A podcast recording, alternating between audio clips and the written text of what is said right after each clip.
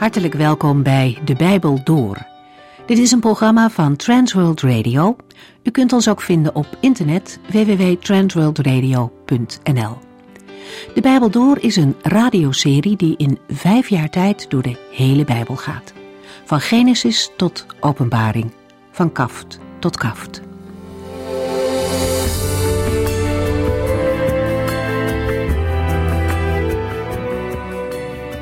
Vandaag lezen we uit 2 Timotheus hoofdstuk 4, het laatste hoofdstuk. Paulus stelt in de eerste verse een dringende vraag aan Timotheus. Hij zegt, geef het woord van God door als je de kans krijgt, of het jou nou gelegen komt of niet. Paulus dringt niet voor niets aan. Er staat veel op het spel. Hij verwijst naar de terugkomst van de Here. Dan komt er een moment dat zowel de overleden mensen als de levenden geoordeeld zullen worden. Voor de gelovigen geldt dat Christus hun oordeel al heeft ondergaan. Op basis van zijn dood aan het kruis is er geen veroordeling meer voor wie in hem gelooft. Gelovigen komen wel voor de rechterstoel van Christus, maar dan gaat het om het ontvangen van loon en niet om het verloren of gered zijn. Het is ook in onze tijd nog steeds dringend nodig dat we elke kans om het woord van God door te geven aanpakken, want dan kunnen nog veel mensen behouden worden. Er zijn helaas ook veel mensen die het woord van God niet willen horen. En Paulus schrijft dat er een tijd komt waarin mensen niet willen luisteren naar Gods woorden. Mensen willen alleen dat horen wat aansluit bij hun eigen verlangens en behoeften. En daarbij keren ze de waarheid van God de rug toe. Zoals vaker in deze brief maakt Paulus dan een opmerking richting Timotheus die begint met Maar jij.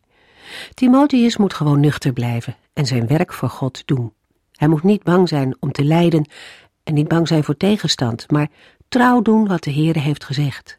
Net als Paulus dat zelf heeft gedaan. Hij is inmiddels aan het eind van zijn leven gekomen en Paulus kan dan zeggen, ik heb de goede strijd gestreden, de wedloop tot het einde gelopen en ik heb het geloof behouden.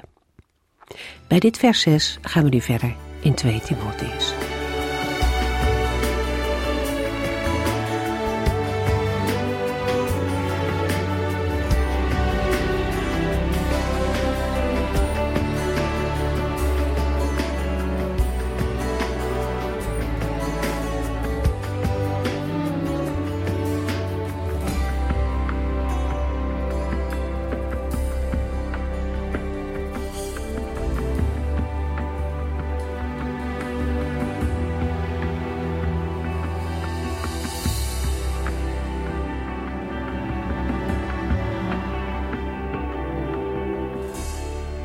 In de vorige uitzending hebben we kort stilgestaan bij de afscheidswoorden van de apostel Paulus. Aan het eind van zijn leven kon hij met vertrouwen zeggen dat hij Jezus Christus onder alles trouw is gebleven. In 2 Timotheus 4 vers 6 tot en met 8 lezen we het getuigenis van Paulus over zijn eigen leven en zijn verwachting voor dat wat komt. De apostel zegt: Ik zeg dit omdat mijn tijd bijna voorbij is. Ik zal voor God geofferd worden en binnenkort sterven. Ik heb de goede strijd gestreden, de wedloop tot het einde gelopen, het geloof behouden. In de hemel wacht mij een krans, die de Heere, de rechtvaardige rechter, mij op de grote dag van zijn terugkeer zal geven.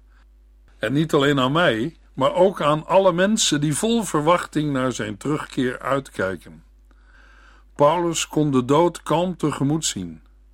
Voor hem was de dood niet het einde van alles en daarna is er niets meer.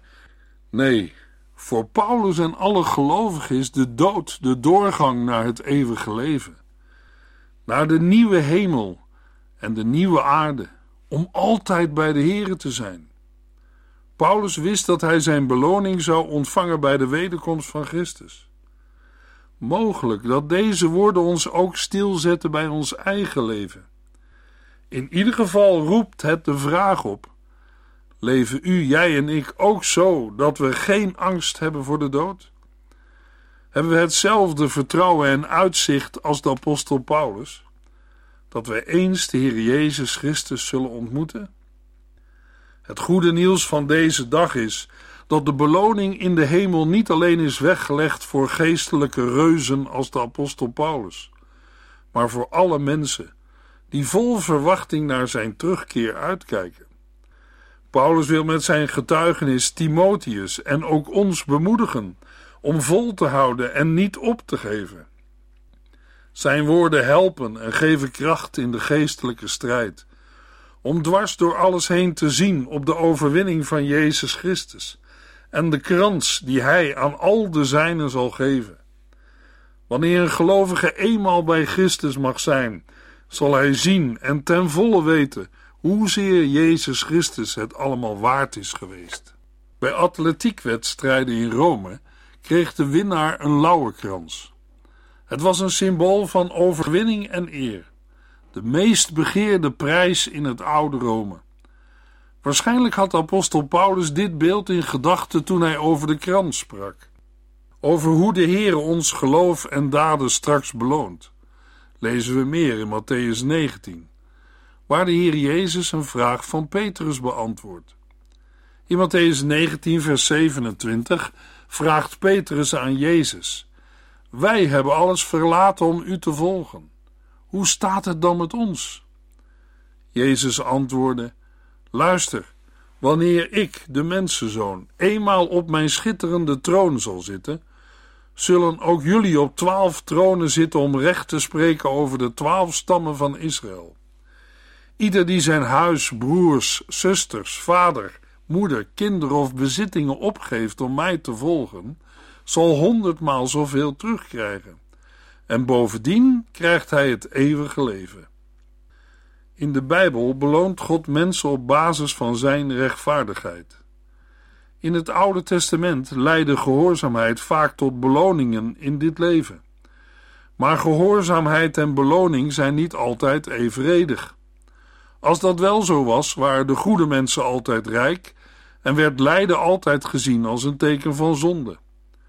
Voor een nieuwtestamentische gelovige is de ware beloning de aanwezigheid van de Here en zijn kracht en hulp door de Heilige Geest. En later zullen wij in het eeuwige leven worden beloond voor al wat wij hier op aarde mochten doen uit liefde tot Jezus. Als elke geloofsdaad in dit leven zou leiden tot een materiële beloning, zouden gelovigen wel eens in de verleiding kunnen komen om op te gaan scheppen over al hun goede werken of verdiensten. Maar daarmee worden onze motieven onzuiver en worden goede werken niet meer gedaan uit dankbaarheid. Al wat gedaan wordt uit liefde tot Jezus, dat houdt zijn waarde en zal eeuwig bestaan. In 2 Korintiërs 5, vers 10 en 11 hebben we gelezen: Want wij zullen allemaal eens voor Christus rekenschap moeten afleggen. Dan wordt alles blootgelegd. Ieder van ons zal krijgen wat hem toekomt, voor wat hij in zijn aardse lichaam heeft gedaan, goed of kwaad. Omdat wij zo'n diep ontzag voor de Here hebben, doen wij ons best anderen voor hem te winnen. God weet dat wij hierin oprecht zijn en ik hoop van harte dat dat ook voor u duidelijk is.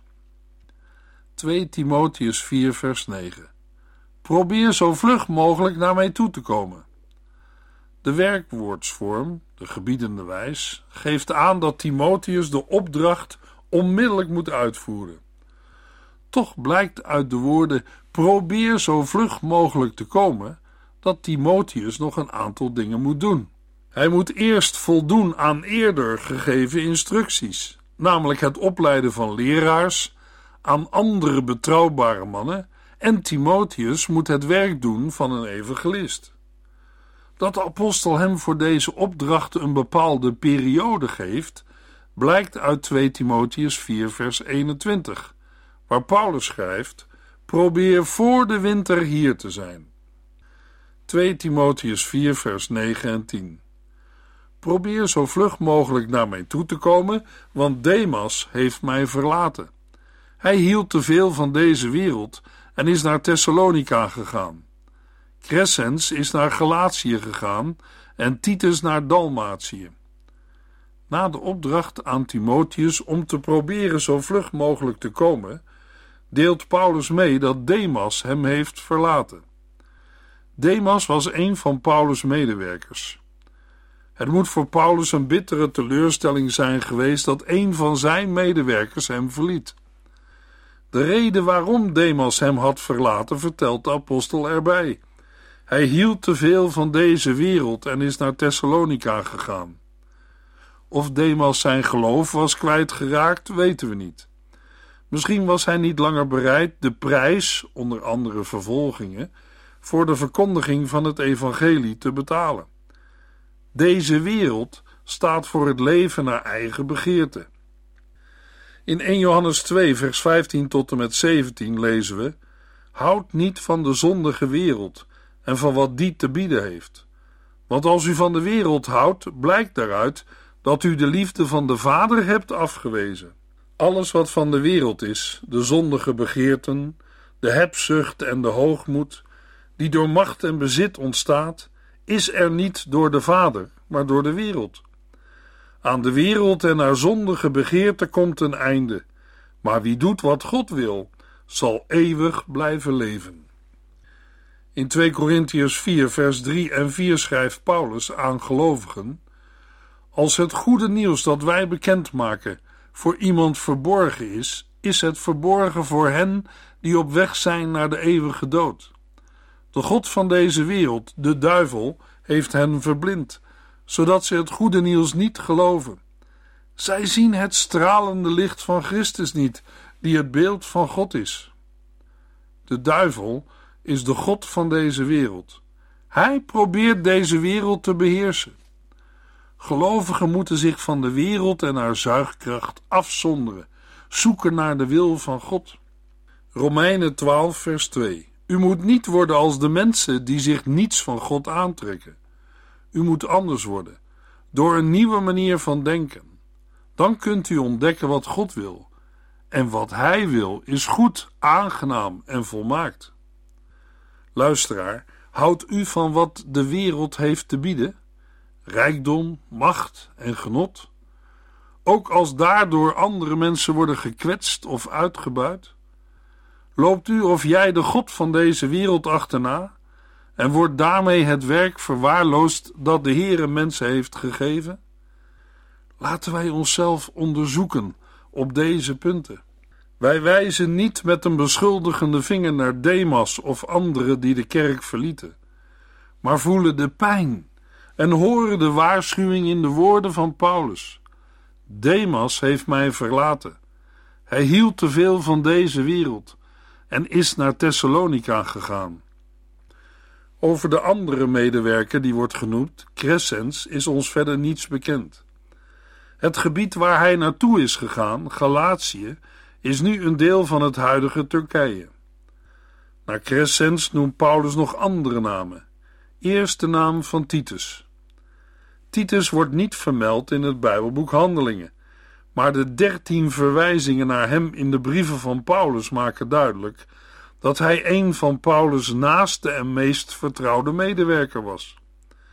Titus was door de prediking van Paulus tot geloof gekomen. In Titus 1, vers 1 noemt de apostel hem mijn kind in het geloof. Hij kwam waarschijnlijk uit Antiochië in Syrië, als hij een van de volgelingen was uit Handelingen 11, vers 26. Paulus bracht deze Griekse gelovige, die niet besneden was, naar Jeruzalem, waar hij betrokken raakte bij de kwestie van de niet-Joden en de vrijheid van de wet. Jaren later toen Paulus voor zijn derde zendingsreis uit Antiochië vertrok, moet Titus hem hebben vergezeld, omdat hij gedurende die tijd bij drie gelegenheden door de apostel naar Korinthe werd gestuurd. Hij wordt pas opnieuw genoemd als Paulus hem op Kreta achterlaat om daar het werk voort te zetten. Titus was bij Paulus tijdens zijn tweede Romeinse gevangenschap, maar verliet hem om naar Dalmatië te gaan mogelijk met een zendingsopdracht. Paulus noemde deze betrouwbare en begaafde helper zijn broeder, zijn medewerker en zijn kind. Hij prees Titus' karakter en optreden in de tweede brief aan de Corinthiërs. De apostel Paulus schreef aan Timotheus: Titus is naar Dalmatië gegaan. Dalmatië komt overeen met het voormalige Joegoslavië. 2 Timotheus 4 vers 11 Alleen Lucas is nog bij mij. Als je komt, breng dan Marcus mee, want ik heb hem nodig. Lucas is de enige van Paulus' medewerkers die nog bij hem is. Het door Lucas geschreven Bijbelboek Handelingen vermeldt dat hij vanaf Filippi tot en met Paulus' gevangenschap in Rome de metgezel van Paulus is geweest. Ook in 2 Timotheus 4 is hij bij Paulus. In Colossense 4 vers 10 was er sprake van dat Marcus, die zich toen bij Paulus bevond, naar Colosse in Klein-Azië zou worden gezonden. In 2 Timotheus 4 blijkt dat hij deze reis inderdaad heeft gemaakt, want Timotheus moet hem nu meenemen naar Rome. Marcus heeft een positieve ontwikkeling doorgemaakt. Volgens Handelingen 15 wilde Paulus hem niet langer meenemen op zijn reizen, omdat hij geen doorzettingsvermogen had. Nu zegt Paulus: Ik heb hem nodig. 2 Timotheus 4, vers 12. Tychicus is ook niet meer hier, want ik heb hem naar Efeze gestuurd. Tychicus was ook een medewerker van Paulus, afkomstig uit Klein-Azië. Paulus had onder andere van zijn diensten gebruik gemaakt om de brief aan de Colossense en de Efeziërs te bezorgen. Misschien is de missie waarover Paulus het hier heeft wel de reis waarop Tychicus de bewuste brieven overbracht. 2 Timotheus 4 vers 13 Als je komt, vergeet dan niet de mantel mee te brengen die ik in Troas bij Carpus heb laten liggen. Neem ook de boekrollen mee en vooral die van perkament. De Griekse tekst duidt met het woord mantel een kledingstuk aan. Uit vers 13 blijkt dat Paulus niet zo heel lang geleden in Troas moet zijn geweest. Hij heeft de stad waarschijnlijk na de winter verlaten, anders had hij de mantel wel meegenomen. Waarschijnlijk wilde hij er voor de herfst weer terugkeren en dan ook zijn mantel weer ophalen. Maar door zijn arrestatie verliepen zijn plannen anders. Timotheus moet op het moment van schrijven in Macedonië zijn geweest, zodat hij min of meer langs Troas zou komen om per schip naar Rome te reizen. Of hij was in Klein-Azië, niet ver bij Troas vandaan. Bij de boekrollen zullen we vooral aan geschreven boekrollen van het Oude Testament moeten denken. Boekrollen waren erg duur. Ze waren met de hand geschreven en gemaakt van papyrus of dierenhuiden, het veel duurdere, maar duurzamere perkament. Waarschijnlijk wilde Paulus tijdens zijn gevangenschap in deze boekrollen studeren. 2 Timotheus 4, vers 14 en 15. De kopersmid Alexander heeft mij veel kwaad gedaan. De Heere zal hem zijn verdiende loon geven, maar pas wel voor hem op, want hij verzet zich fel tegen onze boodschap. Aangezien Paulus niet beschrijft hoe en waar Alexander de kopersmid hem heeft tegengewerkt, is het moeilijk hem te identificeren. We kunnen denken aan de Alexander uit 1 Timotheus 1 vers 20. Hij was ooit gelovig geweest, maar net als Hymenaeus van het geloof afgevallen en verstrikt geraakt in de gnostische dwaalleer. De Alexander uit Handelingen 19 was een Jood, die tijdens de opstand van de zilversmeden in Efeze als aanklager van Paulus wilde optreden. Het is best mogelijk dat deze Alexander metaalbewerker was en niet alleen zilversmid. De woorden: De Heere zal hem zijn verdiende loon geven, zijn een citaat uit Psalm 62, vers 13. Aan de ene kant bidt Paulus voor hen, die als dwaalleraars de gemeente bedreigen, en ook voor de Joden die de gelovigen vervolgen. Aan de andere kant voorziet Paulus Gods rechtvaardige oordeel over allen die zich niet bekeren. Toch verwacht Paulus deze vergelding niet tijdens dit leven, maar pas bij de wederkomst van Christus. We weten niet of Timotheus in Klein-Azië of in Rome moet oppassen voor Alexander. Vanwege het tekstverband is het aannemelijker dat Alexander behoort tot de beschuldigers of aanklagers van Paulus. In dat geval moet Timotheus voorzichtig zijn, zodat ook hij niet zal worden aangeklaagd. Timotheus moet vrijmoedig getuigen en bereid zijn het lijden als een consequentie van het getuigen te dragen. Maar het werk moet ook met voorzichtigheid worden gedaan, zodat hij niet meer dan noodzakelijk vervolgd zal worden. 2 Timotheus 4 vers 16 De eerste keer dat ik voor de rechter moest komen, was er niemand die mij hielp. Iedereen had mij in de steek gelaten. Ik hoop dat het hun niet zal worden aangerekend.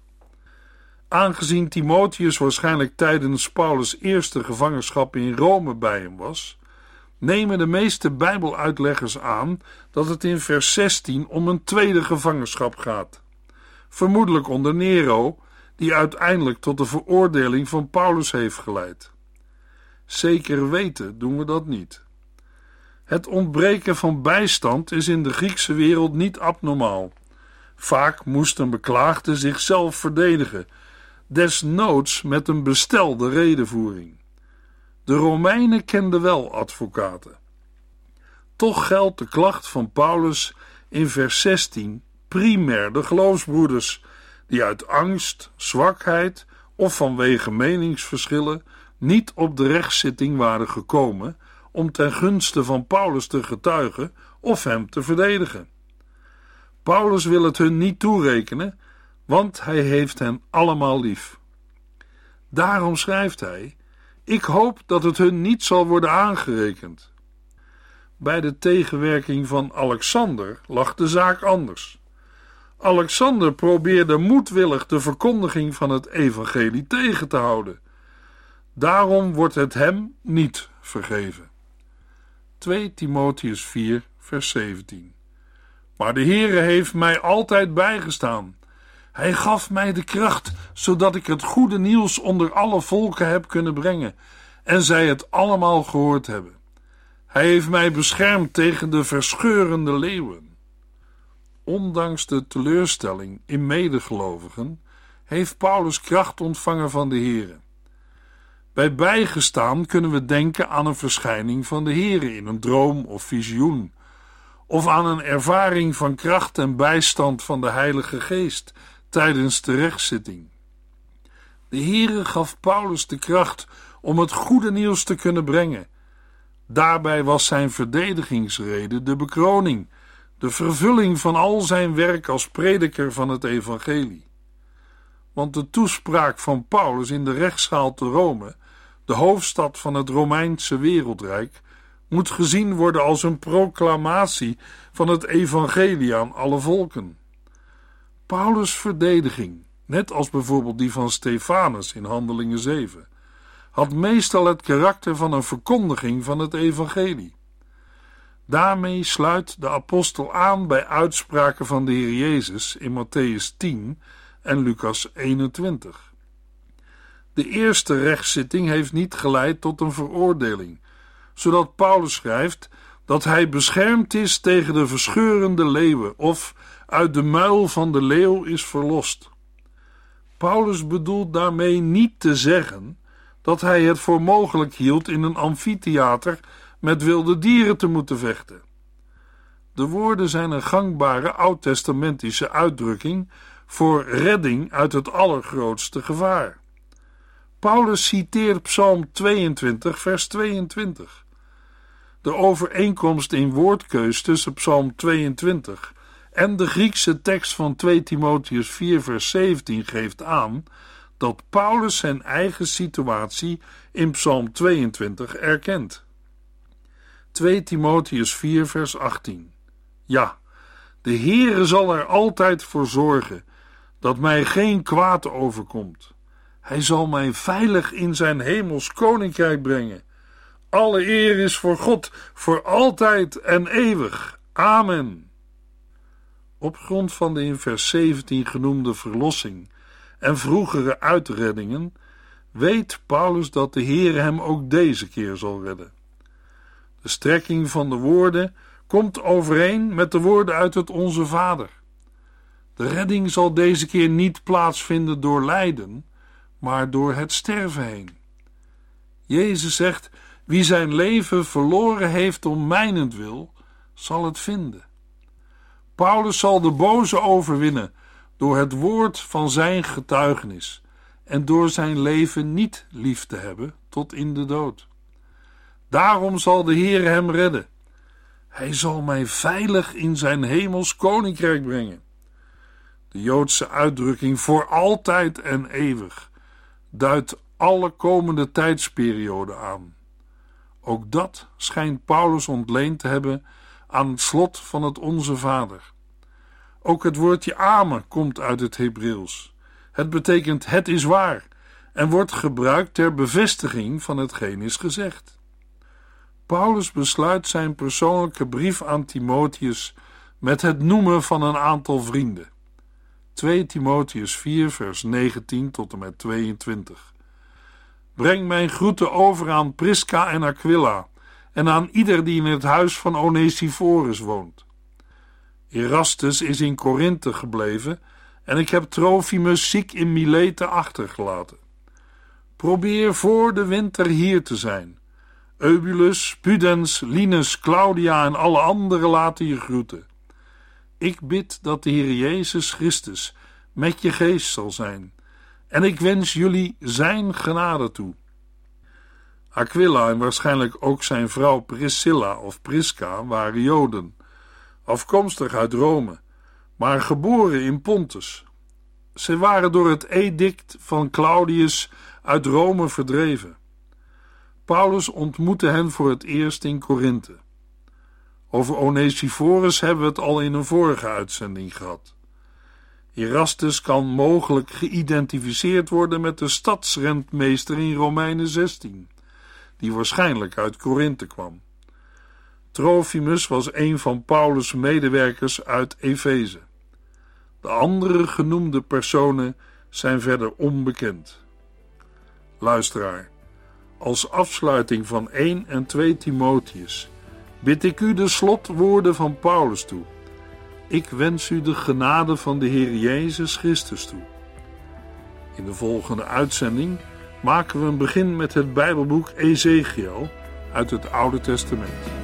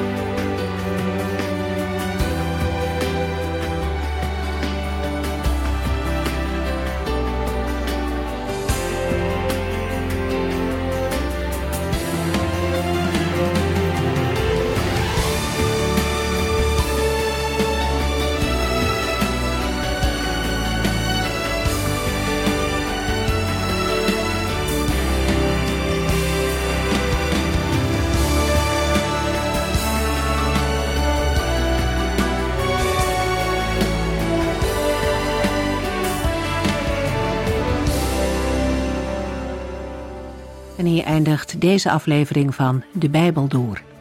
Een serie programma's van Transworld Radio. Wilt u ons iets vragen of meer weten? Dan kunt u altijd contact met ons opnemen. Bellen kan overdag met 0342 478432. Per post Transworld Radio. Postbus 371. Postcode 3770. Anton Johannes in Barneveld. En e-mailen kan ook.